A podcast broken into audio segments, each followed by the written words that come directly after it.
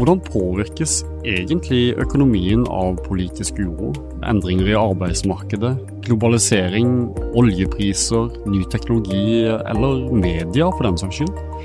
Det hele er ganske sammensatt og har stor påvirkning på den fremtidige kursutviklinga, og her i Norge. Så hvordan følge med på alt som skjer og konsekvensene det får for valuta- og rentemarkedet? Det er temaet vi har tenkt å snakke om i Makropodden, en podkast fra Sparebanken Sør Markets. Og når jeg sier vi, så mener jeg jo egentlig du, Jan Egil? Ja, det, vi skal prøve på det. Ja, eh, og det er vel det som er noe av utgangspunktet for eh, denne podkasten, nettopp eh, makroøkonomi. Men først til du, og til de som ikke har kjennskap til verken du eller hva du driver med. Hva bruker du å si til de? Ja, jeg driver og egentlig gir råd og vink til kundene om det å sikre seg i forskjellige eh, dimensjoner. Eh, både sikre seg når det gjelder rentesituasjonen, hvis man er renteeksponert i, i eh, har kanskje et næringsbygg og har da en, en, renterisiko, som vi sier. Selv om vi har opplevd 35 eh, år med stort sett bare fallende renter, så er det tross alt, og ikke minst nå, en risiko for at rentene også kan gå opp igjen. Og så, også, så jobber vi mye med det å sikre seg når det gjelder valutaeksponeringen. Det å handle med utlandet, eller det å eventuelt kjøpe enkeltting fra utlandet, eller skulle selge til utlandet, da får man en valutarisiko.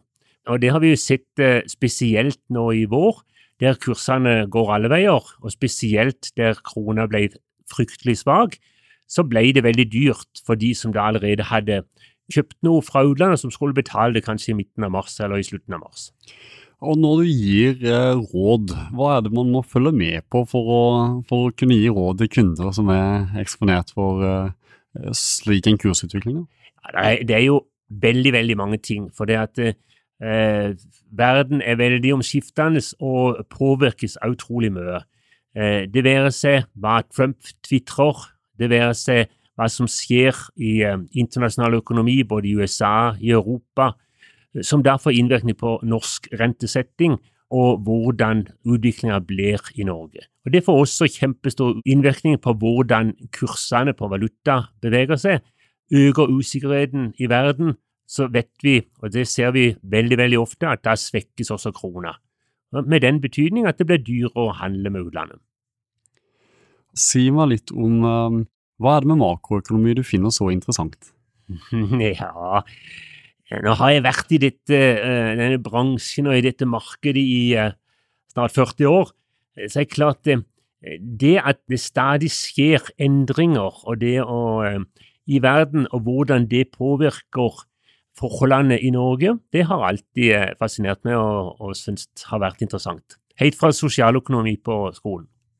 Og 40 år der, det er jo en god, god, stund, det vil jo mange påstå. Kan du fortelle meg om første gang du fikk øynene opp for makroøkonomi? Var det et øyeblikk? Ja, jeg vet ikke, det er riktig.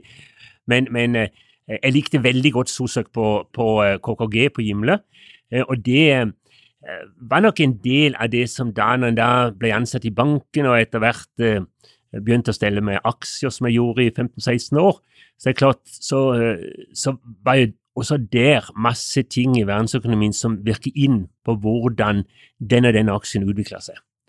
Når vi da etter hvert eh, fikk ansvar for å, å bygge opp en del når det gjaldt eh, valuta og renter og sånn, så, så tok en bare det med seg videre. Den interessen for de sammenhengene som på sett og vis styrer den økonomiske utviklingen i verden. Og det er jo en haug med forskjellige ulike komponenter. Og Det gjør jo at en som regel aldri kan settes to streker under svaret. For det at eh, vi tror noe, og så er det på ingen måte sikkert at det er det som skjer.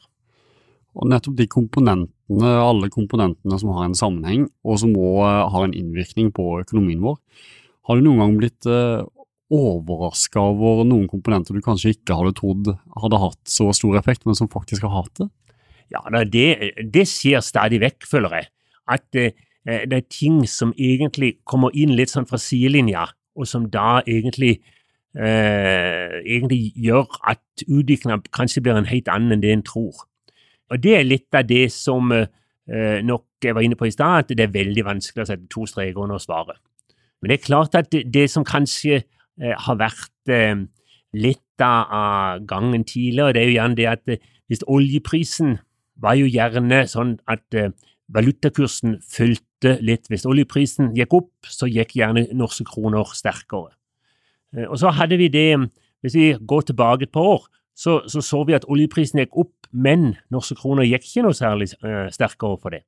Og da var kanskje bakgrunnen det at usikkerheten i verden ble også større samtidig som oljeprisen gikk opp.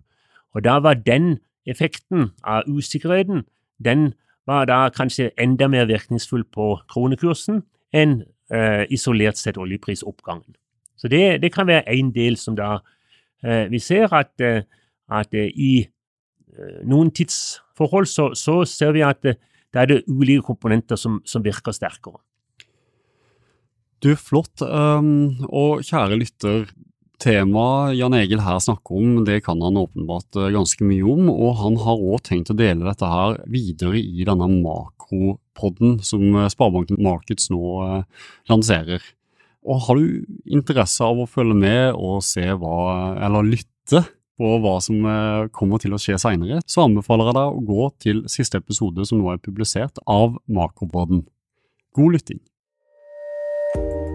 Du lytter nettopp til Makropodden fra Sparebanken Sør Markets. Hver måned vil vi gi deg innsikt i hva som skjer i verden, samt hvordan det påvirker økonomien vår. Flere episoder finner du på sol.no slash makro.